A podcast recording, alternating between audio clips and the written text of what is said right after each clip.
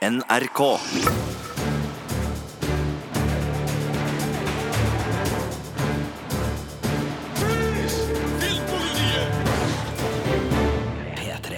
Velkommen til en ny episode av Filmpolitiets podkast!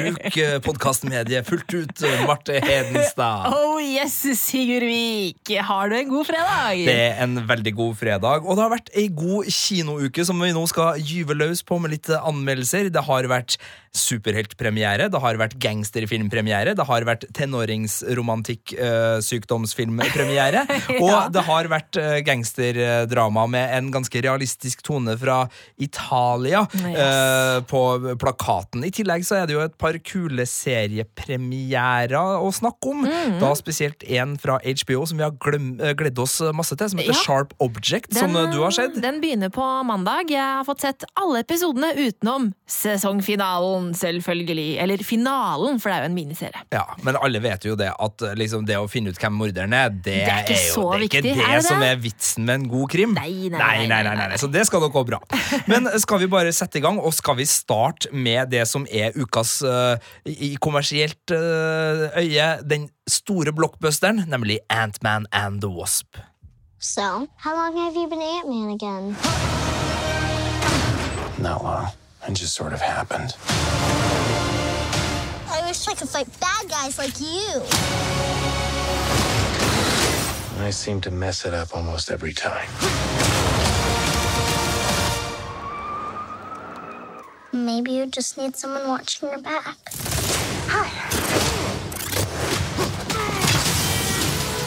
Enter the Wasp. Yeah!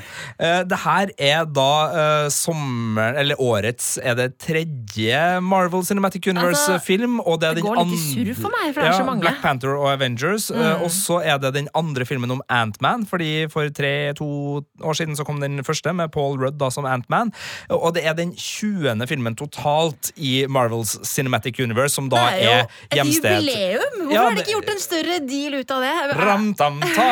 Eh, må herved anse deg sjøl som feiret Ant-Man Ja. and the Wasp som den 20. installasjonen i det her massive, gigantiske filmuniverset som virkelig er uh, vår tids store publikumssuksess når det gjelder actionunderholdning i popkornskuffa, sammen med Star Wars. da, Men etter den s- litt svake solofilmen nå, så syns jeg jo Mhm. liksom det, det, det er eh, Marvels år. Uh, begge er Disney, for så vidt. Så det, Det er egentlig Disney som er vinneren her. Disney er vinneren her. Men eh, vi så begge Marvel Nei, eh, Ant-Man-filmen, Marte. Vi var Mm. i, i kinosalen sammen. Eh, Det er jo ikke noe skuffelse på noe som helst vis for meg. i hvert fall. Hva var ditt eh, førsteinntrykk sånn, eh, når du hadde sett ferdig den her eh, litt lystige superheltfilmen? Ja, ja, lystig, altså, fordi jeg likte jo Ant-Man, den første filmen, veldig godt. Den så jeg ikke på kino. Jeg, jeg, jeg var litt sånn derre Paul Rudd er veldig kul og sjarmerende, men altså, han begynner å bli gammel nå, og jeg gadd ikke se den på kino. Så jeg venta ganske lenge til da den kom på streaming, så var det første jeg så den. Elska den. Eh, så jeg gleda meg veldig til, eh, til oppfølgeren, og jeg kosa meg. jeg. Jeg, eh, også ofte på pressevisninger så er det litt sånn at komedier er ikke alltid like lett å se på pressevisning, for det er veldig sånn stille i kinosalen. Og det høres veldig lett når du fniser litt eller humrer, og hvis du ler høyt, så høres det veldig godt! Men her var jeg bare sånn, nei, jeg kosa meg og lo høyt, og ja, hadde en underholdende kinoopplevelse, rett og slett. Ja. uh jeg syns det her er en film Hvis vi skal ta de der morsomme superheltfilmene, eh, som da eh, teller Ant-Man 1, den teller Guardians of the Galaxy 1 og 2, den teller Deadpool 1 og 2, og ikke minst da Thor Ragnarok, som er kanskje den jeg har kosa meg aller mest med. Men den første Thor-filmen også var ganske Ja, morsom. lystig. Ja, men i hvert fall, Hvis vi tar de filmene, så, så er ikke det her for meg en eh, film som er helt der oppe blant de aller beste, men den er ikke mange hakk ned. Altså, Mm. Det her er god underholdning, men det her er en sånn film for noe, Det var artig det du sa med, med å sitte og være litt bevisst seg sjøl i, i kinosalen. For jeg merka Jeg tok meg sjøl, for vi satt uh, ved siden av hverandre, Ja. og jeg tok meg sjøl i å flire litt sånn humrete av et par av de eh, ganske sånn breie poengene filmen her gjør. For at, ja, ja, for den har dem òg. og da tenkte jeg sånn Å, jeg håper ikke Marte hørte uh, det der. For jeg ble litt sånn beskjemt over at jeg liksom sånn Det var sånn dad joke-humor. Men det syns jeg egentlig oppsummerer Ant-Man on the Wasp-filmen ganske godt. Altså, den Uh, den, er, den har ikke de komiske høydepunktene uh, som de aller beste filmene har, og den uh, går så bredt til verks at det er en del av vitsene som er litt sånn Holder ikke helt nivået. Eh, den, dem- altså, den, den har sitt publikum, de der type vitser òg, men, men for meg så blir det litt sånn Det blir, det blir så mye saus på tallerkenen at, eh, at noe av det blir bare Kan ikke bli for mye saus, vet du. Kan det bli for mye veldig dårlig bilde. Ja, veldig dårlig bilde. veldig dårlig bilde. Uh, altså, det er så mange forskjellige typer potetgull foran meg uh, at uh, nok- Veldig dårlig veldig dårlig bilde. Det er så mange varianter av Nei, nei men altså det, det, det sikter så bredt at, at jeg kjenner at noe av det er ikke for meg. Og det gjør at den ikke Jeg blir ikke like glad i filmen. Altså, Jeg elsker ikke den like mye Ja, eh, som jeg gjør eksempel med Thor Ja. Ragnarok, som Mm. der all humoren virkelig bare traff meg. Jeg synes det var, eh, det var liksom sånn Ja, dette her er min film. Men det her er jo uh, godt inne i det subjektive Ja, uh, når det men- gjelder filmopplevelse. men sånn er det jo. Men, ja, men den føles litt markedstilpassa, rett og slett. Jeg, tror- jeg tror jeg vil, sånn, gå, jeg vil gå så langt og si at den føles litt sånn uh, tiltenkt et øh, øh, generelt øh, actionkomedieglad publikum uh, skal få dosen sin. Ja, jeg skjønner litt hva du mener. For uh, sånn som Da jeg så Thor Ragnarok og gikk ut av kinosalen der, så tenkte jeg den her filmen den kommer jeg til å se flere ganger. Det tenkte jeg ikke etter uh, Antman. Nei, og det kan Altså jo Antman 2. Nei, Mm. og, og der er vi jo inne på det andre ankepunktet, for selv om vi likte filmen her veldig godt, så er det ikke ei veldig spennende historie. Eh, kort fortalt så handler det her om at Ant-Man er tilbake i San Francisco etter å ha hjulpet Captain America i Captain America Civil War, eh, som eh, da er en del år gammel, men det var forrige gangen vi så Ant-Man på film. Han har ikke fått vært med i de store The Avengers-filmene. Eh, og eh, han eh, har da husarrest fordi FBI har uh, oppdaga at han eh, var med og hjalp til på, på feil side av loven. Og eh, så I tillegg så er han litt sånn uglesett av Hank Pym og dattera, som da er eh, Hope og aka The Wasp, fordi han har stjålet drakten, Antman-drakten, da uten lov. Så det er premisset. Så er egentlig det litt farfetchte opplegget her at Hank Pym får det for seg at han skal klare å redde tilbake kona si, som han mista for 30 år siden, inne i det som filmen omtaler som Quantum Realm. Ja, men, men, men det, akkurat den scenen hvor han får for seg det, det er jo rett etter eh, hendelsene i den første Ant-Man, akkurat når han har kommet tilbake fra The Quantum Realm. Eh, sånn at eh, det, det er jo på grunn av det at han får den ideen. Absolutt. At det går an å komme tilbake! Ja, men allikevel, eh, til og med i et superheltunivers, en, en litt sånn eh, fysikkrar idé, men, men de går videre med den, og, og han eh, søker da eller De legger da en plan om å bygge en kvantetunnel for å kunne komme seg inn i det her riket hvor du egentlig bare, sånn som det var forklart i første filmen, i hvert fall, så bare krymper du og krymper du og krymper du og krymper du. Så du dør ikke, men du bare fortsetter å krympe. Så kan man jo snakke om væskeinntak og, og mat og sånn, men det skal man jo absolutt ikke gjøre her, fordi det vil ødelegge absolutt alt. Så, så mor uh, Pym har liksom gjort det i, i 30 år, og de har funnet ut at vi skal bygge en kvantetunnel, uh, som de kaller det, for å redde henne. Og uh, her irriterer det meg underveis at filmen har så Uh, avansert tankegods som den bruker for å liksom fikse plottet sitt, samtidig som den ikke gidder å bry seg om uh, at det her ikke henger på greip, eller det, det, blir, Ja. ikke, det blir ikke spennende godt Nei, fortalt. Det, det ligger for- ja. god, det ligger en god sci-fi-film her. Jeg liker uh, premisset man kan krympe inn i evigheten, altså uendelig krymping. Jeg liker det som, som konsept, men det blir ikke ordentlig behandla her. Det blir liksom bare kjapt forklart av Michael Douglas, som er kul å se igjen i rollen som Hank Pym, og så skal vi bare godta det. Ikke sant? Men, eh, men sjøl om det premisset er litt uh, haltende, så blir det allikevel en spenningshistorie da rundt, fordi det er en annen mystisk maskert uh, superhelt slash superskurk som heter Ghost, som prøver å få tak i denne maskina. Og så er det en våpenhandler, uh, spilt av Walton Goggin, som prøver å stjele hele laboratoriet. Så det, det blir en jakt da på uh, Antman, The Wasp og Hank Pym, som da prøver å redde mor, mens de blir uh, hausa etter av eh, diverse skurker. Eh, men ingen av skurkene er vel egentlig spesielt skummel, eller spesielt farlig, eller spesielt god? Nei, um, spesielt ikke Ghost, som er på en måte egentlig hovedskurken altså, Fordi Ghost har superkrefter, derfor tenker jeg på det som hovedskurken. Um, det er litt sånn ja, ok, ja, du er jo ikke så ond, du er jo ikke liksom så slem. Ja, vi skjønner hvorfor du gjør det du gjør, men det blir liksom ikke Jeg blir ikke revet fullstendig med av den superhelten. Jeg tenker, for, nei, superskurken, altså Noe av det kuleste med superheltfilmer er jo ofte skurken. Eh, når skurken er skikkelig god, da er det bra. Eh, og sånn var det ikke her. Nei, og Det som irriterer meg ekstra med det, er at de har egentlig et veldig godt utgangspunkt som de skusler bort. Mm. Eh, altså, Birollegalleriet her er helt fantastisk. Du har Lawrence Fishbourne du har Michelle Pfeiffer, du har nevnte Michael Douglas. eh, du har ikke minst Michael Pena, som er en av de artigste mennene jeg vet om. Og så har du jo eh, Randall Park, som er kjent fra serien Fresh Off the Boat, hvor både jeg og du liker han godt. Han ja. er kjempeartig som en sånn dumsnill FBI-agent som heter Jimmy Woo. Og så har du Walton Goggin, som er eh, kjent fra Justified, en av mine favoritt-TV-serier, hvor han spiller Boyd Crowder.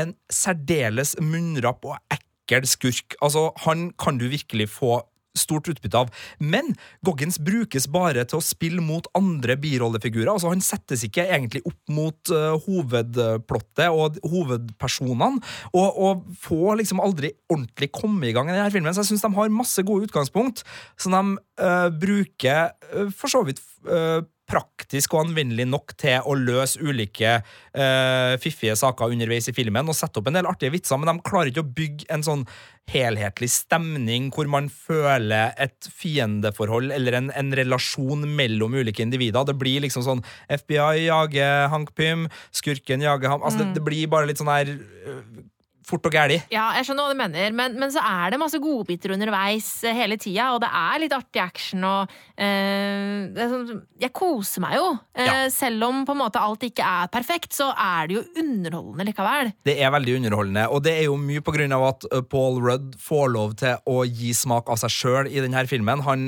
han uh, har nok fått lov til å improvisere en del her, tror jeg. Ja. Eh, han er ikke like munnrapp og fiffig som det Ryan Reynolds er i Deadpool-drakta, og skal jo heller ikke være det, men han er lun og tar vare på mye av den humoren som han har vært med og etablert i litt sånn uh, 40 Year Old Virgin-type komedie. Altså det der litt sånn Judd Apatow-aktige draget som han tar med seg inn her. Og det er jo en uh, komediestil jeg liker godt, og så har han noen sånne kaller litt sånn metahumor innimellom som også som kler filmen godt. da Ja, og samspillet med, med dattera, eh, som jeg ikke husker navnet på skuespilleren i farta, eh, det er jo helt fantastisk. Og Det hun er jo Evangeline råkul. uh, Lilly. Ja.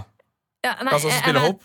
eh, Dattera til til ja, ja, ja. Antman. Du, uh, hun uh, heter så mye som Å, uh, Cassie heter hun, og spilles av Abby Ryder Fortson. Hun Så er jo kul! cute! Kjempekul jente! Så kul jente! Ja, og de to det er kjempe, Jeg liker scenene de har sammen. Da koste jeg meg i hver eneste scene. Veldig artig, altså. Ja. Nei, så uh, For å oppsummere, hvis du er glad i uh, actionkomedier av den lette sorten generelt, eller uh, MCU, Marvels Cinematic Universe spesielt, så er det her uh, morsom sommerunderholdning i, i kinosalen. Absolutt.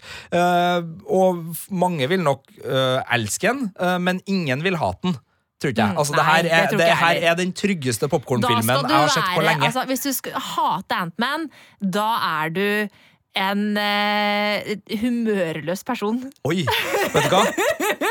Å kall- og, og si sånne ting, Marte, er kjempeprovoserende. Er Kjempeprovoserende. Jeg kjenner jeg, Nå fikk jeg lyst til å ikke like Antman Ant-Man bare for å være eh, Altså, i, i Hvis du, ikke, ja. hvis du hater denne filmen her, da er du litt humørløs. Ja. Men uh, vi var litt i tvil. Jeg var litt i tvil, i hvert fall. Uh, det var sånn, er det her bra nok til å være en femmer? Nei, det er ikke bra nok til å få fem på terningen, men det er en veldig sterk firer, og det er en sånn firer som kommer med en anbefaling om å stikke og se den hvis det her er din tekopp, for Ant-Man and the Wasp er mer enn godkjent sommerunderholdning. Ja, Helt enig i den, altså, Sigurd. Men det var jo ikke den eneste oppfølgeren som hadde premiere denne uka. Nei, det var ikke det. Eh, Vi skal over til eh, den andre oppfølgeren, eh, og det er ikke akkurat like trivelig og lettbeint, kan du si. How would you define terrorism? Current definition is any individual or group that uses violence to achieve a political goal. The administration believes that the drug cartels fit that definition. Eh, pulserende lydspor, eh, en intens atmosfære. Vi befinner oss på grensa mellom USA og Mexico. Vi skal til Sicario 2 Soldado. Jeg liker å si det på den måten, med en litt sånn spansk aksent. Det er fint. Soldado. Soldado. Ja. No, uh, plata i plo... Nei, nei, nå fikk jeg litt sånn uh, Narcos-vib her. Det er, ikke, det er jo Narcos, Det er jo på men det er ikke. Escobar. Nei. Nei, det er ikke Escobar. Um, jeg har en tilståelse å komme med som er kjemperar. Og jeg, jeg skjønner ikke hvordan det her skjedde, men uh, jeg har sett Sicario, uh, første filmen, Ja. og kosa meg til jeg kom sånn cirka midtveis uti. Og så måtte jeg gjøre et eller annet. Altså, det var ikke sånn at jeg skrudde av filmen fordi jeg ikke var fornøyd. Det var Nei. bare et eller annet som skjedde. Og jeg har jeg bare, For jeg har begynte å tenke på Jeg har ikke sett den ferdig! Det er, det er, helt, det er kjemperart. Det, her, det, det, er sånn, det er bare helt sprøtt. Så, så, jeg, så her er scenen din, Marte. Det er du som har sett toeren, og det er du som har sett eneren. Og, Jeg har og fortell oss eh, hva, hva er greia her. toer, jeg skal fortelle deg. Okay. Ok, eh, Sorry, det var litt Oi. på sida. Jeg jeg beklager den. Eh, Men Sicario 2 eh, Jeg kan jo bare si at jeg har jo sett ferdig da Sicario, eh, i motsetning til deg. Eh, Og jeg elska jo den filmen. Um, Denise Villeneuve, eh, regissøren, hadde virkelig laga en sånn Altså, Jeg var sliten etter å ha sett den, fordi det hadde- det var så intenst at jeg hadde liksom, nervene mine hadde vært i spenn hele veien. Eh, og så er det jo han eh, islandske komponisten som dessverre er gått bort nå, Johan Johansson, som eh, hadde laga et sånt derre Sånn dronende, pulserende, veldig sånn heftig lydspor da, som passa veldig fint inn. Så jeg hadde store forventninger til uh, Sicario 2. Um, og Filmen lever opp til forventningene til en viss grad. Vi befinner oss i det samme landskapet, og eh, filmen klarer å oppnå en del av eh, den samme atmosfæren. Um, denne gangen så er det nok en gang Matt, eh, spilt av Josh Brolin, som uh, skal i ilden.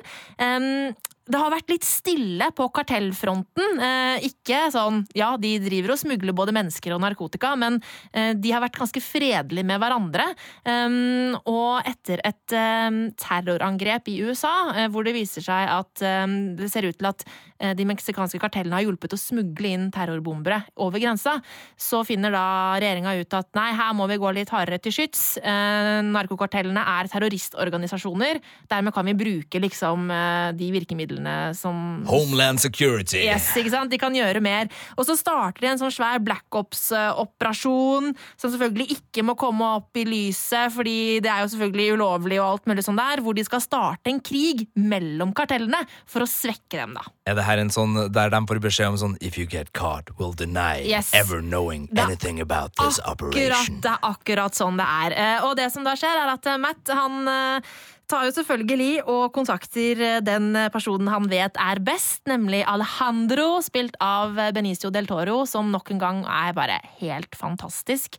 Um, og så kidnapper de dattera til en av de store narkosjefene og skylder på et annet kartell. Ja, Så det moralske kompasset i denne filmen vingler altså rimelig uh, Det ja. er veldig veivete. Og i, um, i uh, den første filmen så hadde vi jo Emily Blunt, som spilte den der helt forferda FBI-agenten som bare sånn Hva er det dere driver med? Dere er jo helt gærne. Det her er ulovlig. Dere har jo ingen skrupler. Uh, og hun er jo ikke med denne gangen. uh, og dermed så er det på en måte opp til Matt og Alejandro sjæl da, um, å kjenne på det moralske. Og de må tøye sine egne grenser og få faktisk kjenne litt grann på akkurat det i filmen, men stort sett så går det jo ganske så hardt i verks. Og filmen er jo dødsbrutal, um, og legger virkelig ingenting imellom. Og det er liksom Det er ingen helter her. Altså, det er ingen som er gode her, og det er jo litt av det som jeg jeg syns den første filmen var veldig god på, å vise frem at i denne krigen mot narkotika, så så er alle like ille. Så, men eh, akkurat det, eh, det kommer godt frem, men likevel så syns jeg ikke at liksom Sicario 2 er ikke, en sånn, er ikke et innlegg i samfunnsdebatten på samme måte som jeg syns Sicario, den første filmen, var.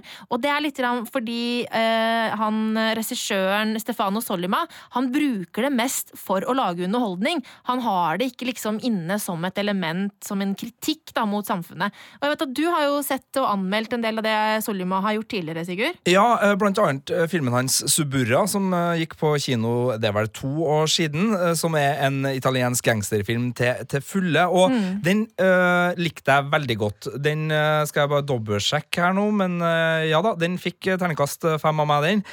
Og den var veldig stilisert. Altså, det var veldig mørkt. Det var, så, det var sånn polerte overflater med regn på, på brostein, og det var liksom skikkelig stilfullt. Og så når det skøytes eller det var noe vold, så bare flerra flammene over lerretet som en fyrstikk i natta. Altså, det var bare skikkelig, skikkelig skikkelig estetisk lekkert.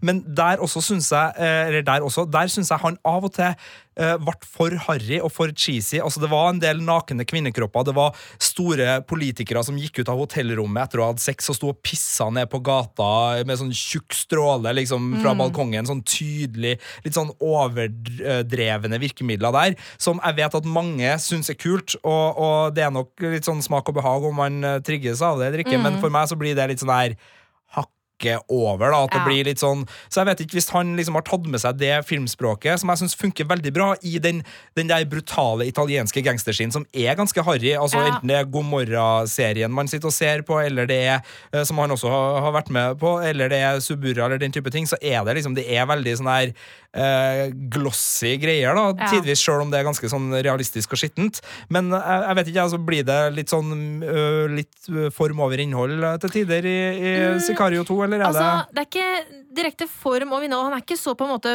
ø, voldsom i formen. Det er mer underholdning over underho- substans, kanskje var mer det? Ja. underholdning over substans. Eh, for det, det er veldig Det er kynisk og kaldt. Eh, ikke overdrevent, eh, sånn som du beskriver der. Nei, jeg vet jo Um, ikke om det er overdrevent. Jeg kjenner jo ikke nok uh, italienske politikere på privaten til å. Men ja, det er mer den der kyniske kaldheten og brutaliteten. Da. Eh, Men han, han bruker en del ting som på en måte kun er ment for å sjokkere. Eh, For eksempel i, helt i starten av filmen eh, så er det denne, dette selvmordsbombeangrepet eh, hvor, på en måte, hvor et lite barn for eksempel blir sprengt i filler. Altså, det er veldig sånn det er kun for å sjokkere. Det er kun for å på en måte underholde. Det er liksom ikke noe mer i det, da. Så, så det trekker litt ned, ned for meg. Men øhm, jeg det blir nesten litt sånn feil å si jeg koste meg, eh, men jeg ble jo underholdt også. Så Ja. han får jo til det han ønsker. Eh, Men eh, hvis det hadde på en måte vært litt mer substans inni det, så hadde det heva filmen enda et hakk, da. Ja, så for deg så er det her et hakk under den første Sicario-filmen, Det er det. men terningkastet blir allikevel Terningkastet blir fire, og er du fan av Benicio del Toro, så må du bare pelle deg på kino og se den filmen her, for han er jo bare helt fantastisk. Vet du hva? Nå tror jeg eh, det går tre Josh Brolin-filmer samtidig på kino. Hæ? Han spiller Thanos, han spiller Cable, og han spiller Sicario 2. Dæven dette. Han Og han er også god i, i Sicario 2, altså. Ja, Men det, ja. eh, det er, Ja. Brolin, nei, det er um, Benicio del Toro som er høydepunktet. Men Ja, eh, altså, jeg Brolin er jo aldri dårlig. Nei, jeg sier Brolin, da Brolin. Ja, ikke det? Det er Ja, Brolin. Det er han Brolin. Han Just Brolin, Brolin, Brolin, Brolin. Det måtte komme. det Ja, vi skal komme. ikke være det her Vi skal ikke være en sånn podkast. Nei, vi skal ikke være en sånn podkast. Terningkast fire til Sicario, Mm. og tredje filmen på kino for uh, Brolin uh, i sommer. Mm. Yes. Uh, skal vi gå over til noe litt mer klissete, eller? La Litt sånn oss- Midnight Sun? Gå over til Midnight Sun, da. Hei Hey, What should I have said? Hey, I'm Katie Price. I've watched you outside my window for the past 10 years and I've been in love with you, stalking you every minute. This is what Taylor Swift does. She has awkward interactions with boys, and then she just writes amazing songs about it. I don't understand how we've never met. I've probably skated by your house every day on the way to practice. Hey, you wouldn't want to do something sometime, would you? I'm really busy during the day, but I could be free at night. Marte Hedenstad, Det her er noe annet enn Sicario. vil det overraske deg at jeg sier at det her er en Schwarzenegger-film? Eh, hæ? Eh, eh, eh, Arnold, er han med i den filmen der? Nei, det er en Patrick Schwarzenegger-film. Sønnen, Den eldste sønnen til Arnold Schwarzenegger, som også har litt eh, Kennedy-blod i årene. Eh, men hvis du skulle ha gjetta, hvilken type film høres det her ut som? Det her høres ut som et romantisk drama, komedie, tenåringsopplegg. Det gjør det, eh, og det er det. Eh, Men med en twist, fordi i likhet med filmer som The Fault in Our Stars og Me and Earl and The Dying Girl, to filmer jeg likte eh, godt, begge to, skal sies, så er det her en film som kombinerer en dramatisk sykdomshistorie og en kjærlighetshistorie. Det handler om to 18-åringer. Det handler om Katie, som da spilles av Bella Thorne, som har en mystisk hudsykdom. Eller den er ikke mystisk, den er sjelden. mm. som Ok, jeg skal prøve å si det. Denne her er reell, altså. Exoderma pigmentosum. Eller XP, øh, øh, forkortelsen. Og jeg vet at gameren i deg da har lyst til å få øh, experience points, men det får ikke du for det, Marte. Det får ikke du. Hva Men, får jeg hvis jeg har XP? Eh, Da får du eh, lov til å være innendørs veldig mye. Å, fordi det er nemlig en sånn sykdom som gjør at eh, UV-stråler fra sola eh, skaper kreft og kan være dødelig. Okay. Eh, så du må være innendørs. Eh, så eh, Katie kan bare være ute om natta og leve ellers et sånt liv der hun er homeschooled eller har hjemmeundervisning da, faren sin. Hun har også mista mora si for øvrig i en bilulykke, bare for å legge litt steiner på her. Eh, og sitter inne og eh, klimprer på kassegitaren eh, til vanlig. Og så har hun forelska seg da i en gutt som skater, som vi hørte, foran da- vinduet hennes. vinduet hennes, ja. Hver dag siden han var liten. Og, fra, og så møter hun tilfeldigvis han en kveld. Hun sitter og spiller på kassegitaren sin på den lille idylliske togstasjonen i bygda. Hvorfor har hun aldri møtt han før? Nei, og det spør jo han òg. Hvorfor har jeg aldri møtt deg før? Og så har Er ikke han ute på kvelden, da? Han får ikke lov å gå ut, han. Første del av filmen her, og eh, folk hører kanskje på toneleiet mitt eh, og måten jeg ødelegger meg på at jeg, det her er ikke min favorittfilm, men eh, første del av filmen her er en helt sånn klassisk friksjonsfri, glett amerikansk eh, tenåringsromanse. Ja. Så plutselig vrir den over til å bli en kjempedramatisk eh, sykdomsfilm i siste akt. Eh, Så, så det er bare, bare i måten den er bygd opp på, så sliter jeg litt med den, for at den tør ikke å være sår. Der uh, The Fault in Our Stars og Me and Earl and The Dying Girl tok uh, vare på sykdommen, tok sykdommen på alvor, visste oss i hvert fall til en viss grad hvordan det var å leve med denne sykdommen, så tør ikke Midnight Sun å gå dit. Eh, Den er en eh, nyinnspilling av en japansk film med samme navn fra 2006, som jeg eh, håper og tror kanskje behandla det her bedre, men i hvert fall her, det brukes bare som en sånn uh, Hun kan dø, altså! Seriøst! Hun kan dø! Og, og så det, brukes det som en sånn Askepott-regel, hvor hun må være hjemme før soloppgang. Ja, ja, ja. Hvis ikke nei, så sprekker trollet, på en måte. det! Ja. Ja, ok. Eh, så, så, så den, Mm. den klarer ikke å ta inn over seg sykdommen sin. Og den er også, det her er en sånn film hvor du har putekrig, timelapse-videoer. Uh, de springer inn på en konsert der du ser uh, at bandet spiller playback, og med feil instrumentering ut fra hvilken låt du hører på. Det er liksom Men ok, elektronisk musikk men- med elgitarer. elgitarer. men Du spiller jo i band. Altså, hadde jeg lagt merke til det, tru? Akkurat den tror jeg du har lagt merke til. Og okay. eh, altså Det er også en sånn film, jeg vet at det her er kanskje også nerdete, men hun, når hun sitter og spiller på kassegitaren sin på senga, Ja. Eh, så hører du at når hun synger, så er det spilt inn i studio, for at du Ja, hører er pustinga i en sånn her type Mm. mikrofon. Sånn.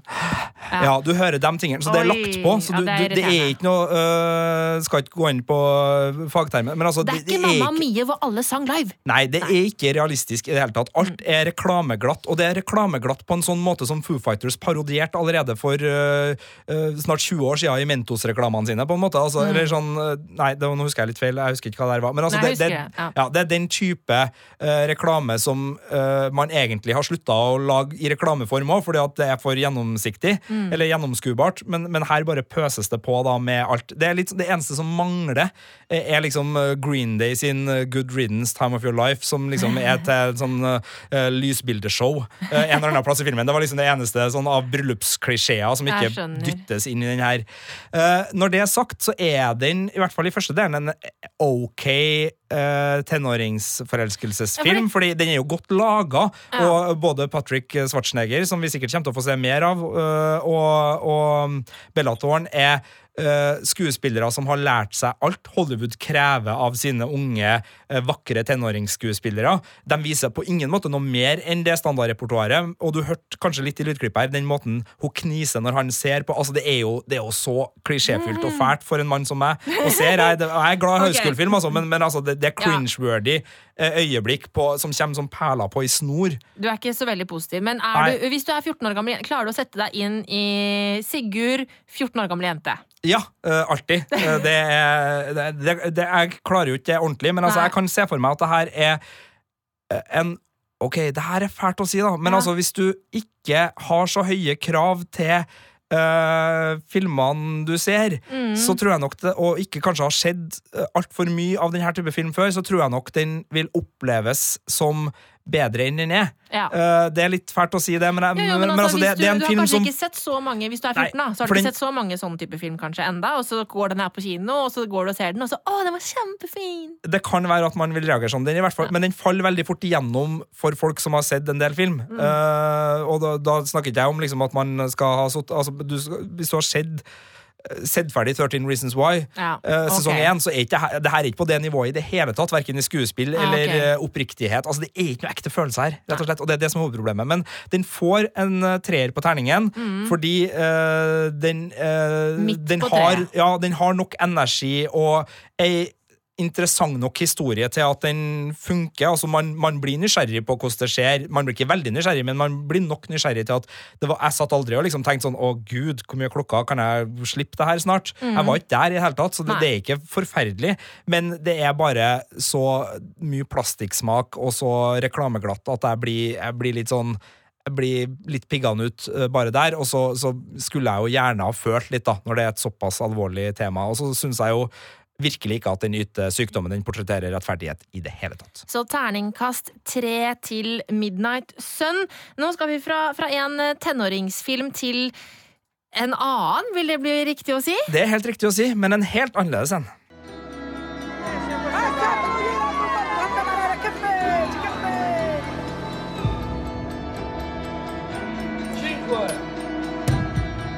E perché ce l'avevi a portare? Io spaccare la faccia qua. Me ne va. Dopo non era. E poi non andiamo tutta la famiglia. Non dovrei pensare a rubare il mare. A Kiambra er siste premierefilm ut denne helga hos oss, og det er en eh, film som eh, handler om en eh, tenåringsgutt, men her er det verken eh, noe særlig med idyll eller noe særlig reklamepent eh, omgivelser. Det her foregår helt ytterst på den italienske eh, altså spiss, sko, skotuppen. Ja. Der er det et sted som heter Calabria, og vi følger da en ung sigøynergutt som heter Pio, som bor da i det jeg vil si er slummen av Calabria, sammen med familien sin, og de er en sånn halvkriminell gjeng der uh, storebror stjeler biler, og de stjeler strøm, og de stjeler kofferter på toget, og pappa er småalkoholisert, eh, lun, fin fyr, for så vidt, og så er det ei mor som, og, som også er bestemor, selvfølgelig, for en del, og som bare holder det hele sammen i en uh, rufsete, men allikevel sympatisk familie, som er veldig opptatt av å beskytte seg og sine, og som er veldig lite opptatt av eh, loven. Men, men de funker, og vi kommer liksom inn i det her miljøet, det er veldig troverdige kilder, det, det realisme i, i fokus her, Eh, og samtidig så henger da Pio litt sammen med en som heter Aiva, som er fra Burkina Faso, en eh, ulovlig flyktning, Eh, og dem er det også en del av, det er en del afrikanere, så vi blir også kjent med det miljøet, de eh, bor i en flyktningleir eh, og er også litt eh, småkriminelle, en del av dem i hvert fall, har noen sånne lager eh, fullt av TV og annet tjuvgods som de har, og de omsetter litt hos hverandre for å få endene til å møtes, rett og slett. Og uh, politiet stadig på og gjør små arrestasjoner eller kommer med regninger, og, og det, du merker at her er det Altså, de lever under fattigdomsgrensa, og det kommer ikke til å gå opp for dem på lovlig vis. Altså, det er, det er ikke noe vits i å liksom komme inn med en sånn Det er ikke noe håp for dem. Ja, men hvis du bare er flink på skolen, så ordner dette seg. Nei, det er ikke en sånn uh, det, her, det er virkelig i, i de laveste økonomiske forutsetninger vi befinner oss her. Og her fortelles det ei, ei uh, ganske så fin historie, som er Altså, den er øh, vond å se på bare i det at du liksom ser sånn åtteåringer stå og røyke. Bare der er man jo litt sånn uh, men, men den er troverdig, og den forteller da om Pio som fordi øh, store deler av familien blir tatt i en liten, et lite raid, så får ikke han beskjed av bestemora om å hjelpe til med regninga, men han overhører at her er det virkelig pengenød. Så han begynner da, sannsynligvis noen år før han egentlig er tiltenkt å begynne på sitt kriminelle liv, eh, med ganske risikable brekk, sammen med da hans eh, kompis fra Burkina Faso, for å eh, både få sin egen status til å fungere, og liksom bli den mannen han mener at han skal være. Han er ganske macho til å, i sitt, sitt unge sinn, men også da for å, å hjelpe familien. Eh, og så går jo det eh, sånn passe bra, og så skjer det ting etter hvert som involverer den italienske mafiaen. fordi det her er også en, en film som klarer å ta inn over seg storsamfunnsproblematikken. Og eh, den italienske mafiaen lever veldig godt med at den sigøynermafiaen og afrikanske flyktninger får lov til å holde på med ulovligheter, men det er viktig for dem at de ikke skal bli for gode venner. For Mm. da kan jo de på en måte gjøre opprør eller eh, ta seg inn på forretningsvirksomhet som den, den lokale mafiaen har tenkt å kontrollere sjøl. Så eh, mye av det virkelig vonde i den filmen her, og det kommer etter hvert en del vondt i den filmen her, kommer av den den fantastisk fæle følelsen når venner blir spilt opp mot hverandre av klanene deres, Ah, eller av familiene deres, eller av tilhørigheten deres, eh, på måter som gjør at det er rett og slett bare bekmørkt, alt som er eh, av uh, framtidsutsikter og håp rundt i hvert fall en del veldig vonde situasjoner. Og, og det blir både en tåre i øyekroken for meg, og, og virkelig en, en sånn klump i brystet, samtidig som man virkelig kjenner da, på den frustrasjonen og den følelsen som de her menneskene lever i, hvor valg er så å si tatt for dem. Mm. De kan selvfølgelig valg, velge. Det er ingen uh, film som er altså Den er ikke naturalisme i, i høyoktan her, og der ingen på en måte har reelle valg, men eh, valg har så store konsekvenser at det er veldig vanskelig å ta valg som bryter ut av det som eh, det legges føringer av da, fra, fra de med mer makt.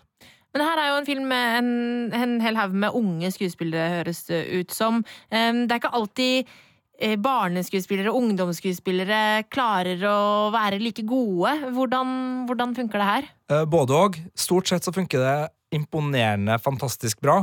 Eh, og så er det noen sånne improviserte scener som jeg, jeg opplever som små glipp. Ja. Men som jeg tror nok vil, vil uh, tolkes ulikt hos ulike publikum. Uh, jeg er litt streng der, og, og, og, og, dermed så er jeg litt, eller jeg er litt var der. Uh, så jeg, jeg hadde noen sånne scener som røska litt i meg, der jeg syns at det virka som om at noen kanskje ikke nødvendigvis var, la merke til kameraet, men at det var, var det trykket og den stemninga som filmskaper, så, altså som, som regissør Jonas eh, Carpiagno, eller Pa- Carpigano, eh, legger opp til, eh, bare det plutselig forsvinner noen plasser. Og det, Sjøl om det på en måte ikke er skuespillerne sin feil, nødvendigvis, så er det eh, kombina i kombinasjonen eh, stemninga som det insisteres på fra filmskaperen, og det som av og til skjer, er litt sånn Det er noen sånne der Og så er det en, en Det er en plottnøkkel inni her som vries om, og den liker ikke jeg. Eh, altså det, det er en, noen for praktiske tilfeldigheter her som, som gjør at den realismen som filmen nøysomt har bygd opp, Blir litt brutt? eh, blir eh, Ja, om ikke brutt, så blir den Det blir sånn at jeg satt der og bare tenkte sånn Men nei. Å ja. Men nei, det å, altså, så, Men det, det er ikke at det ikke går opp, men for meg så var det, det var et sånt lite sånn øyeblikk hvor jeg bare merka at jeg skulle gjerne ha slått av en prat med manusforfatteren. Samtidig, altså, men det betyr ikke at det ikke kan være basert på en virkelig hendelse. Nei, nei, for altså, det, er ikke så, Ja. det er ikke usannsynlig, men det var Nei. bare sånn her som spenningsoppbygging, for det her blir jo en spenningsfilm med forbrytelse og straff som, eh, som eh, de store motpolene her. Eller ikke motpolene, men altså Det, det er, eh, er eh, konfliktaksen. Og, og da, da ble det litt for eh, Ja, det ble en litt for fiks og enkel eh, slutt. Men musikken er nydelig. Eh, Alan Walker dukker opp også på, på soundtracket i en ja. veldig fin avslutning. Det, det er en, en, virkelig en film jeg anbefaler folk å se, i hvert fall hvis man er eh, opptatt av realistiske krimfilmer, realistiske gangsterfilmer, eller man bare har lyst til å se litt eh, andre typer konsekvenser av sosial urettferdighet og sosial kontroll som utspiller seg i det Europa vi lever i i dag. Så det er med tungt hjerte jeg gir filmen her terningkast fire, eh, fordi den eh, fortjener Mye av den fortjener fem, men eh, jeg syns manuset holder ikke helt der, og dermed så blir det en, en firer, men også en, en sterk anbefaling til de som er interessert i denne typen film. Og den er heller ikke så seig og langtekkelig at den vil oppleves som en kunstfilm for dem som er, blir litt sånn Ja, eh, for det er jo litt sånn ja. derre europeisk Ja, drama, drama, vanskelig tema Eh, det, det, Ofte så Noen ganger så, så, så går du på en sånn film, og så ser du at dette her er bra. Men så er det litt kjedelig. Ja, den er ikke kjedelig. Nei. Og det, det er veldig fint. Den varer vel i nesten to timer, men, men den er ikke kjedelig underveis. Så det, det, det er en god, god filmopplevelse som, som jeg fikk av Aki Ambra, men så har den et par sånne skjønnhetsfeil som gjør at jeg ja, trekker den ned på, på fireren.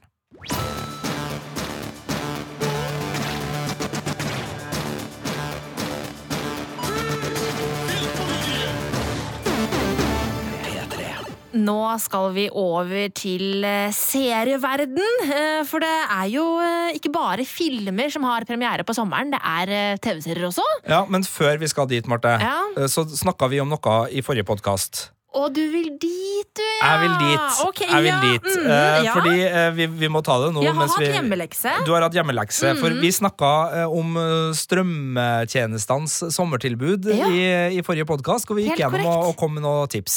Og der var det ene tipset ditt en film som er tilgjengelig på Netflix, som har Bruce Willis i en av hovedrollene, og som heter The Fifth Element. Yes. Og den har jeg sett nylig, og da ble jeg litt sånn Søren, har den her egentlig holdt seg?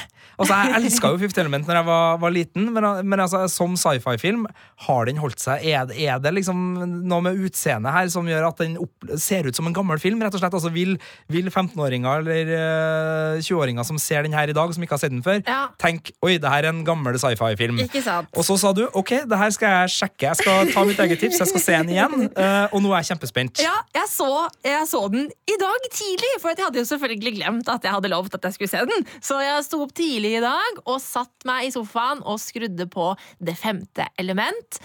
Og eh, jeg kosa meg skikkelig, Sigurd. Eh, men så har jeg jo eh, Jeg har forståelse for hva du mener, for det er jo noen elementer i filmen som ser litt grann, eh, gammelt ut. Altså, vi befinner Tenker du da på jord eller vann, eller hvilke elementer? det er ikke ild, luft, jord og vann. Nei. Eh, Da tenker jeg på eh, den datagenererte grafikken. Eh, Det er spesielt eh, ganske sånn i starten av filmen en eh, biljaktsekvens som Og det er litt sånn fascinerende, fordi jeg har aldri tenkt at det ikke så ekte ut. Eh, Det, jeg var jo selvfølgelig jeg var jo yngre, men, men likevel. Nå ser jeg at det ikke er ekte. jeg ser at den bilagssekvensen ikke er ekte. Men det er ikke dårlig av den grunn. Eh, og jeg, jeg tror at hvis man ser den nå igjen Du er jo klar over at du ser en gammel film, og det er jo ikke sånn at å nei, jeg ser at det er, det er, eh, at det er liksom Altså, jeg ser på bildekvaliteten at en film er gammel. Jeg tror ikke at uh, unge folk i dag da skrur av bare fordi at eh, man ser at den er lagd på 90-tallet. Eh, det, det har jo noe med eh, altså skuespillerprestasjonen, spenningen i filmen, historien. Er den artig? For det er jo en komedie, det her. Eh, og, den, og den sjekker jo i boksen på alle disse tingene. Ja, det er artig. Ja, det er underholdende. Ja, det er kule skuespillere som du liker. Eh, og så har den jo en ganske sånn eh, fin eh, liten kjærlighetshistorie som jeg også koser meg med. Så, så jeg, jeg, jeg syns det var kult, jeg. Ja, det, det vet jeg jo at du syns, og, og jeg, men jeg, jeg stoler på. Men hovedspørsmålet er jo da, som, og det skal du få lov til å svare på, Mm. har Fifth Element holdt seg? Ja, Fifth Element har så uten eh, like eh, ja. Altså, Fifth Element, ja, det har holdt seg, Sigurd! Den er god. Det har holdt seg. Filmpolitiet.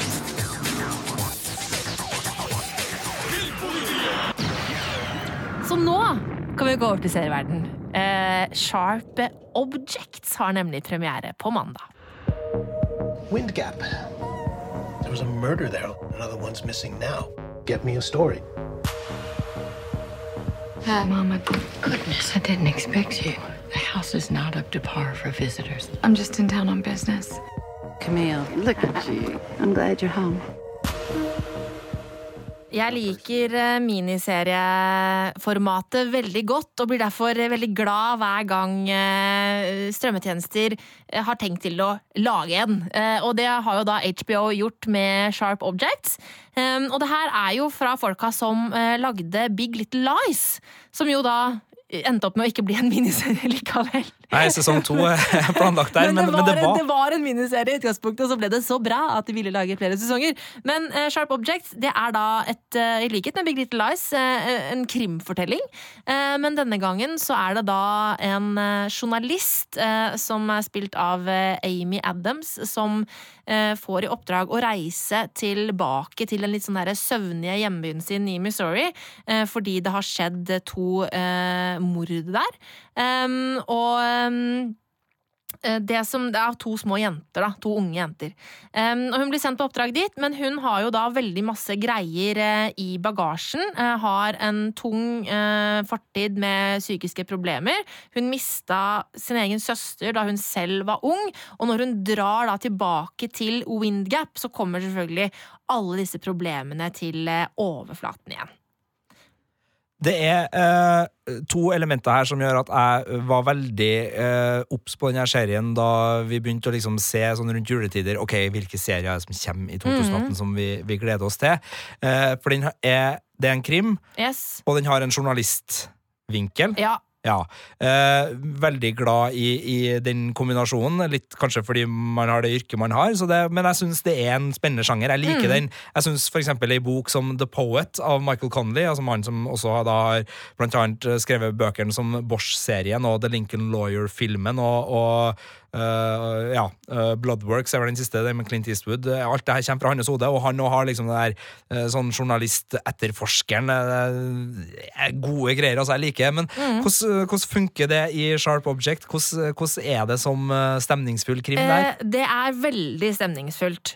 Og hun Camille, som hun heter, hun er jo en skikkelig dranker. Så har jo, vi har jo sett en alkoholisert etterforsker i en hel rekke ting, og vi har også sett alkoholiserte journalister tidligere, så akkurat det er ikke noe nytt. Men hun eh, graver i småbyhemmelighetene. Eh, og når man, når man graver i småbyhemmeligheter, da skal det mye til for at det ikke blir spennende. For sånne, Jeg elsker eh, eh, filmer og serier når du er i sånn derre en liten plass et eller annet sted i USA, og det er et sånt der samhold eh, blant de som bor der. Eh, og så begynner man å liksom rufse i det, så, så, så blir det alltid litt sånn intenst. Og det syns jeg er, er en sånn deilig følelse å kjenne på. Og, og, og det og det skjer akkurat her. Og så elsker jeg den der småbysladderen. Som bare sånn, eh, De har jo dømt halve byen på forhånd ikke sant? om hvem som, som er, eh, er morderen. Um, når det er sagt, så er selve mordmysteriet eh, altfor enkelt å løse. Eh, og Ja. det her baserer jeg på at eh, jeg fikk jo ikke alle episodene av Sharp Objects av HBO. Jeg fikk alle utenom den siste episoden der morderen avsløres. Ja, og det er ikke første gangen HBO gjør det her. Nei. De eh, gjorde vel det på Big Little Lies òg, når, de. når pressen fikk Og også The Night Off husker jeg var Ja. veldig vrient å, å anmelde, fordi de vil ikke at pressen skal vite slutten. De vil ikke at journalist, men de vil at vi skal anmelde, så det sånn så det som eh, er litt vanskelig. Og for å faktisk eh, gjøre meg opp en mening om jeg syns krimfortellingen er bra eller ikke, så måtte jeg vite hvem morderen er. Og da, heldigvis, heldigvis, så er jo Sharp Objects basert på en bok med samme navn av Gillian oh. Flynn. Så du tror du vet hvem morderen er, du, Ja, nå, for at du har hvis- sjekka boka? Altså, Hvis morderen er den samme som i boka, noe det, det legges opp til fordi det, det skjer de samme tingene, Ja. så, så, vet jeg, så, så har jeg da lest hvem morderen i boka er. Eh, og hvis det er den samme som i serien, så fant jeg ut det i andre episode. Ja, Det er jo ikke snikskryt, det er jo ren skryting du holder på med nei, her nå, altså, Marte. det, det er ikke det at jeg er, og, uh, jeg er så sykt flink på krimfortellinger, for det er jeg faktisk ikke. Jeg synes du er ganske Eh, god. Ja, men jeg er ikke eh, Altså eh, jeg har tatt en og annen Agatha Christie-morder, men ikke alle, for å si det sånn. Eh, Så jeg er ikke sånn der eh, sykt dritgod på det. Eh, Men det er en del sånn litt sånn overtydelige hint eh, i eh, replikker som blir levert, og måten de replikkene blir levert på, som gjør at man bare sånn Å ja, det er du som har gjort det. Ja. Um, jeg må bare skyte inn at selv om Marte nå uh, sier det her, og, og jeg har ingen uh, grunn til å si at det garantert er sånn som jeg har tenkt å teorisere nå, men det finnes mange eksempler, uh, blant annet for eksempel nyinnspillinga av den danske serien Forbrytelsen, som da heter The Killing mm. på, på amerikansk, hvor uh, siste akta er endra. Eller altså, Det er ikke den samme morderen. Ikke sant? De har gjort en vri på det. Ja. Eh, Så, så det må vi jo ta med her, at det kan jo være at de har gjort en vri på det. Så, så men, det er jo men derfor er det så synd at HBO ikke har gitt meg den siste episoden. Det er jeg helt enig. For hvis det er en kjempetvist på slutten, så er det jo dritbra! Ja. Da er det jo bare sånn Å, herregud, jeg trodde jeg hadde morderen hele veien, og så var det ikke det! det da hadde jeg blitt sånn mind blown! Ja. Og så hadde jeg blitt dritfornøyd, ikke sant? Um, så, så det kan jo fortsatt skje. Men inntrykket mitt nå da, er at uh, liksom selve krimfortellingen ikke er så spennende. Men når det er sagt, så er det ikke bare krimfortellingen som er i fokus her. Altså, det er jo hele psyken til Camille og det hun har å slite med. Hun har en mor som hun har et helt forferdelig forhold til, som egentlig Vi hun- jeg vil kalle det psykisk mishandling. Um, og som, det er ganske sånn drøye ting. Og, må- og den grusomme mora, sam, sammen med at hun mista søsteren sin som barn, har ført til at hun har hatt et veldig vanskelig liv uh, med selvskading. Og der må jeg bare slenge ut en liten sånn uh, advarsel, eller kall det hva du vil. Um, det er ganske sterke scener i Sharp Objects. Man kan jo, ja, det kan jo høre på tittelen, eh, som er ganske brutale og vonde å se på. Og hvis du er en person som sliter med selvskading, så tror jeg kanskje jeg ville anbefale deg å, å kanskje ikke se den. Eh, fordi det er ganske sånn Det kan være kanskje litt triggende. Eh, veldig sånn dramatisk. Eh, men eh, det, det gjør at det er veldig mange lag da, i serien som gjør at det er spennende å være i Windgap, selv om jeg tror jeg vet hvem morderen er. Så er det et, et interessant sted å være, og det er masse temaer som utforskes som er spennende å følge med på. Så jeg syns det var kjempebra likevel. Ja. Så uh, serieopplevelsen øh, Sett under ett Uh, blir ikke fullstendig ødelagt over at grublemysteriet Nei. kanskje ikke Ja, to gir deg den vibben du, du helst skulle hatt. For du, du Mm. foretrekker da eh, å sitte på, ytterst på stolkanten og gjette eh, morder febrilsk. Nei, altså, Helt, eh, gi meg begge deler. ja, Ikke sant? Altså, ja. gi meg altså, vi, altså, En ting er om man halvveis ut i serien eh, skjønner hvem morderen er, men i andre episode syns jeg det blir litt tidlig. Det er, det er åtte episoder i, i denne miniserien, og, på episode to da blir det liksom litt kjapt. Eh, Men det er to mysterier i, i serien. Det er mordmysteriet, og så er det et mysterium fra barndommen. Eh, Og begge de to skjønner man veldig tidlig. Og jeg tror ikke at det er bare jeg som er dritsmart her, jeg tror alle vil forstå det. Så det er ingen overraskelser her. Men likevel så er det spennende å utforske dette miljøet i Windgap, da. Så jeg syns at Sharp Objects var ganske så bra. jeg. Da får du jo gi en terning eh, med det forbeholdet om at siste episoden kan endre alt. Eh, Ja. Og bare for før du tar den, altså, eh, Et eksempel på hvor mye en siste episode kan endre. Mm. Hvis du hadde gitt meg alle episodene bortsett fra siste episoden av True Detective, Mm. så hadde jeg vippa mellom fem og seks på True Detective sesong én. Mm. Eh, Med siste episoden så ramla jeg jo ned på en treer eller en toer. For jeg Ja. synes jo den siste episoden er noe av det verste serieavslutninga. Og jeg vet at ikke alle er enige her, men jeg synes det var en siste episode som bare tok serien Det var i en krise. helt annen retning. Det var helt og ikke brukt mytologien den hadde bygd opp, ikke brukt ubehaget den hadde bygd opp. Mm. Altså Den bare gikk i en helt annen retning. Ja. Eh, Det, det, det var Ja. kjempefrustrerende. Så det kan gå galt. Samtidig så kan det Ja. bli fantastisk. Eh, Fargo, for eksempel, Mm. sesong én, Mm. motsatt. Eh, Lå stødig på femmeren gjennom hele. Men se- sesongavslutninga så bra. Rett opp på sekseren. Ja. Så en krimserie kan uh, absolutt endre karakter på siste hvis, sesongen. hvis det er en twist på slutten her, så kanskje jeg uh, ville bikka det opp. ikke sant? Men, men det er, det er sånn der, den atmosfæren som er i Windgap, er veldig uh, kul. Og så bruker også serieskaperne litt sånn skrekkelementer, fordi Camille er så forstyrra i hodet sitt at hun ser ting. Eh, og da blir det litt Hun bor i et sånn svært eh, mansion hjemme hos mora, ikke sant? som har masse kriker og kroker, og når hun da begynner å se ting der, så kan det bli ganske så skummelt. Så jeg kosa meg skikkelig, og jeg ender på terningkast fem.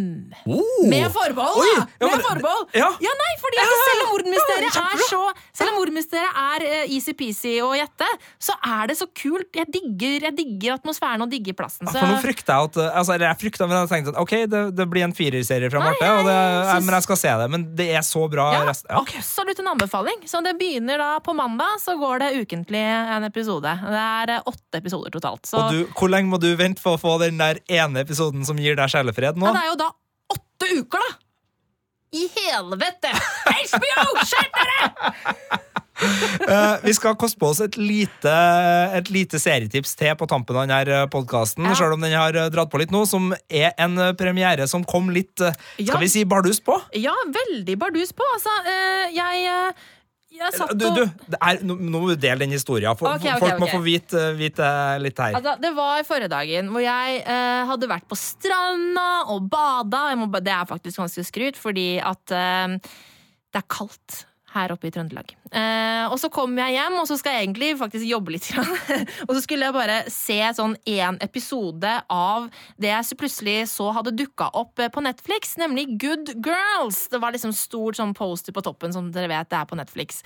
Og så begynner jeg å se den episoden, og så bare sånn, har jeg egentlig bare tenkt å se den første, og så plutselig så har jeg sett åtte episoder. For jeg kosa meg så mye. Og klokka var sånn to før jeg fikk lagt meg. Jeg syns det er så fint. Det er, det er så fint når TV-serier gjør det der med deg. Og så er det selvfølgelig da Netflix sier deg bare sånn fem sekunder på Ja, ja, ja, å du avbryte. har- du er- rekker jo ikke å skru av. Så jeg rakk dessverre ikke skru av før klokka ble to. Men det her er jo en serie som vi også hadde uh, i den uh, nettsaken vi skrev uh, i, i jula, der Ja. det er sånn, disse seriene gleder vi oss til i 2018, så Mm. var Good Girls en av boblene. Det er en Mm. NBC-serie som har gått, gikk vel i mars med ukentlige episoder i USA, men som Netflix har kjøpt de internasjonale rettighetene til, og som de uten forvarsel, i hvert fall så vidt øh, jeg fikk med meg, Ja. eh, dumpa ut, øh, eller dumpa ut, hadde premiere på uka som var. Ja. Og jeg òg har eh, rukket bare å sett to episoder, for du kom til meg og sa det her skal du sjekke ut. Mm. Uh, rakk to episoder i går, og hadde ikke lyst til å skru av heller, men da var Nei. klokka sånn ett, så jeg, jeg måtte bare gjøre det. Men uh, det her er, Jeg likte anbefalinga, og jeg syns du skal gi den anbefalinga til, til flere der ute. Ja, fordi uh, det her er jo da en komiserie som hvis vi bare eh, Christina Hendricks, eh, kjent fra Mad Men eh, blant annet, eh, hun spiller da en litt sånn forstadshjemmeværende hjemmeværende mor som har en søster som heter Annie, spilt av May Whitman, og en venninne som heter Ruby, spilt av Retta, som de kommer i litt sånn hardt vær økonomisk. Og um, finner da ut at de skal rane en dagligvarebutikk for å komme seg på liksom à jour på pengefronten. Uh, og det som er så artig, er at eh, hun Christina Henriks hun på en måte etter hvert blir en litt sånn derre Veldig veldig light, da, men en ekstremt light versjon av eh, Walter White. Så sånn når du går over fra å på en måte du gjør det av du må, til at du gjør det av du liker det, type setting. Ja, uh, Weeds er også en parallell her, Yes. hvis man uh, Mm. tenker altså den der forstadsfrue som Mm. uh, bare merker Oi, jeg hadde visst et talent her. Ikke sant? Eh, Og det er veldig morsomt. Eh, Det, de havner da liksom ut på den kriminelle linja og, og begynner rett og slett med sånn eh, med Jeg vet ikke om jeg skal si det, for jeg vet ikke om jeg skal si hva de egentlig Nei, begynner å involvere seg med. Fordi det er litt morsomt å bare se det utspille seg. Ja. Men det er ikke det er ikke noe Emmy-vinnende opplegg, det her. Det er ganske lettbeint og enkelt, men det er sånn som passer perfekt å se på når du sitter og spiser middag, og du trenger noe kult og artig å se på. Det er trivelig, det er morsomt. Altså, eh, May eh, Whitman, som spiller søstera Annie, hun er dritkul. Har masse kule vitser og jokes, og bare Ja, jeg koser meg, altså. Ja, den er, øh, den er trygg nok på uh, premisset til at den føles kjent og kjær. Ja. Altså, Ikke at man har sett akkurat det her før, men altså, den, den er liksom sånn der Ja, ja, ja, det her liker jeg. Det her, -hmm. Sånne ting liker jeg. Uh, og så er den frisk nok. Ja. Uh, men det jeg liker best med den, er øh, vært- øh, Nå har ikke jeg sett så mye som deg, men og, piloten er absolutt den jeg, jeg syns piloten var knallgod. Mm. Eh, andre episoden var ikke like god, men den, den funka fint for meg. Men piloten setter opp så fint. Den treffer den der økonomiske såret. Vi snakka litt om det tidligere med, med et Europa med, med klasseskiller. og Sånn. Den Mm. tar tak i det amerikanske samfunnet og viser hvor utrolig brutalt det òg kan være. da. Mm. Den, den eh, legger ikke noe imellom, den har ikke noe sånn feel good-behov. eh, og den er absolutt ikke sånn reklameglatt som vi snakka om Nei, eh, Midnight nei. Sun var. altså Den tar inn over seg hvor trasig medisinregninga kan være, hvor ufattelig vanskelig det er å komme seg ut av ei knipe hvis øh, noen rundt deg har gjort noen tabber. altså det, Ja. den, den er liksom sår og øh, ektefølt der. Absolutt. Og den er vond til tider, altså. Den det, Den altså- har noen scener som bare gjør at du knytter neven uten at du Ja, egentlig registrerer det. Og Eh, hun datt, datteren til Loretta hun er syk. Du snakka om det med medisinregninger. Og jeg fikk en sånn liten sånn oh shit, når de snakker om sånn at ja, nei, for å fikse dette, så må vi ut med 100 000 dollar av egen lomme for å Selv om vi har forsikring. Eh, og der er det noen sånne veldig såre og veldig fine scener som, som låner litt sånn derre Et lite lag av dypere opplegg til den serien her, da. Ja. Eh, som jeg syns er veldig fint. Så du får en sånn god miks av veldig lettbeint, lettsett opplegg, men det er litt mer hjertevarme her også. Ja. Uh, Shameless er en referanse når det gjelder akkurat den evnen til å liksom plukke opp uh, arbeiderklassens, den Mm. lavere arbeiderklassens trøbbel. Rett og slett. Altså, den, den, den, den er innom noen sånne altså, Den ligner ikke på Shameless i hele tatt, men altså, den, den, den, eh, og litt sånn typisk for amerikansk indiefilm. Mm. Altså, som, den klarer å liksom sette en krok ned i den litt mer substanskista og, og fange opp noen, noen skatter derfra som Ja. jeg liker veldig godt. Og så syns jeg jo krimelementet er uh, underholdende. Ja, det, det er Det er sånn, underholdende. det, er- det er sånn Ja, ja, ja. Oh.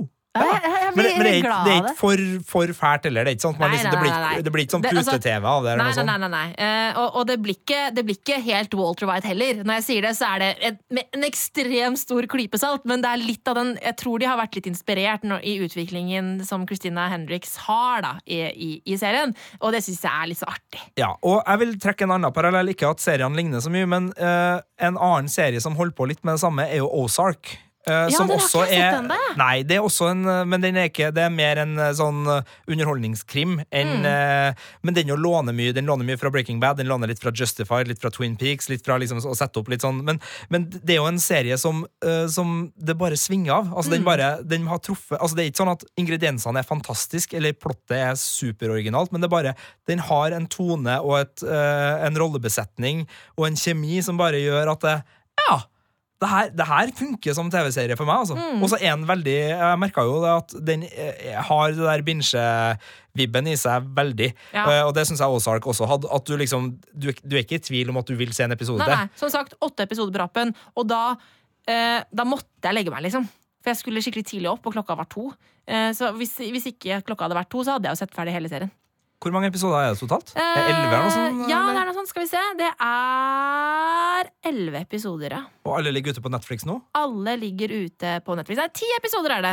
Eller? Hvorfor står det det? Jeg er inne på IMDb. Ti episoder. Ti episoder. Så jeg mangla to episoder for å bli ferdig. Ja. Eh, Så, men, så det er bare å pelle seg inn i Netflix, altså. Eh, Det er eh, virkelig en liten godbit der. Ja. Har du sett den ferdig nå?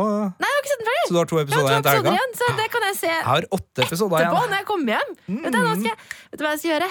Eh, jeg er nemlig hjemme alene i kveld, så jeg skal bestille meg en pizza.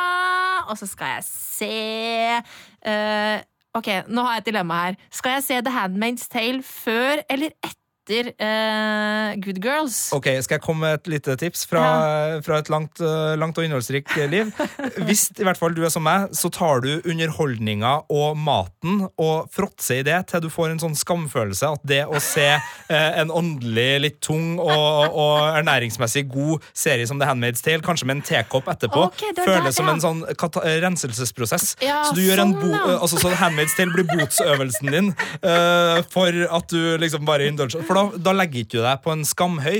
Nei. Det er ikke noe godt å legge seg på en sånn eh, shame high. Ja. Så for hvis du bytter, liksom, så sitter du her og liksom, ah, koser deg med Handmaid's Tale, og så går du på det der, og så, liksom sånn, så går du liksom rett fra For du vil jo ikke ha pizzaen til Handmaid's Tale, du vil jo ha pizzaen til det her. Det er sant. Og, ja, Mm. så, så alt i alt så ville jeg starta med det her, og så rundt Samtidig så er det jo litt skummelt å legge seg Fordi rett etter The Handmaid's Tale er jo ganske mørkt, så det Ja. hadde jo på en måte hyggelig å se noe koselig og trivelig etterpå. Du skal ikke vente med Handmaid's Tale til det er dagslys eh, i morgen, og så bare heller se eksempel Weekend at Bernies eller noe sånt. eh, Vet du hva? Kanskje jeg skal se. The Fifth Element igjen. Så bra var den. Din nerd. Hvor mange ganger har du sett Ringenes herre? Eh, Fellowship of, Fellowship of the Ring, Marte? Uh, det veit jeg faktisk ikke. Det var Eh, litt 10, 20, 30, 40, Eh, 50, 60, det, var, 70 det er litt interessant at du sier det, for jeg ble intervjua av eh, Er det Filmmagasinet ja, eh, Et eller annet. Om eh, hvor mange, ganger- hvilke, hvor mange filmer jeg hadde sett mer enn ti ganger. Og da jeg fikk det spørsmålet, så trodde jeg det var hvor mange filmer jeg hadde sett mer enn 100 ganger. og jeg bare hm, hvilke filmer har jeg sett mer enn 100 ganger? Bare ja, Fellowship, garantert. så bare å ja, det var bare ti ganger, ja! Så ja, Ja, ja. eh, ganske mange ganger. Ja. Før det skal stede igjen. Det var vel det vi hadde for uh, ukas podkast. og vi kommer tilbake neste uke. Uh, hvis du har spørsmål eller kommentarer til oss, så er det enten bare å sende oss en e-post på filmpolitiet alfakrøll.nrk.no, eller legge igjen en beskjed der du hører podkasten. Vi blir selvfølgelig glad hvis du gir oss en rating der også, men hvis du ikke gidder det, så er det helt greit. Og så håper vi dere har ei herlig nerdete helg og uke. Og så Hva er neste uke som er den store filmen? da? Er det Dwayne Johnson i Skyscraper neste uke? Det er Skyscraper. Det er Skyscraper. The Rock, The Rock, The Rock, The Rock! Du finner flere podkaster på p3.no podkast.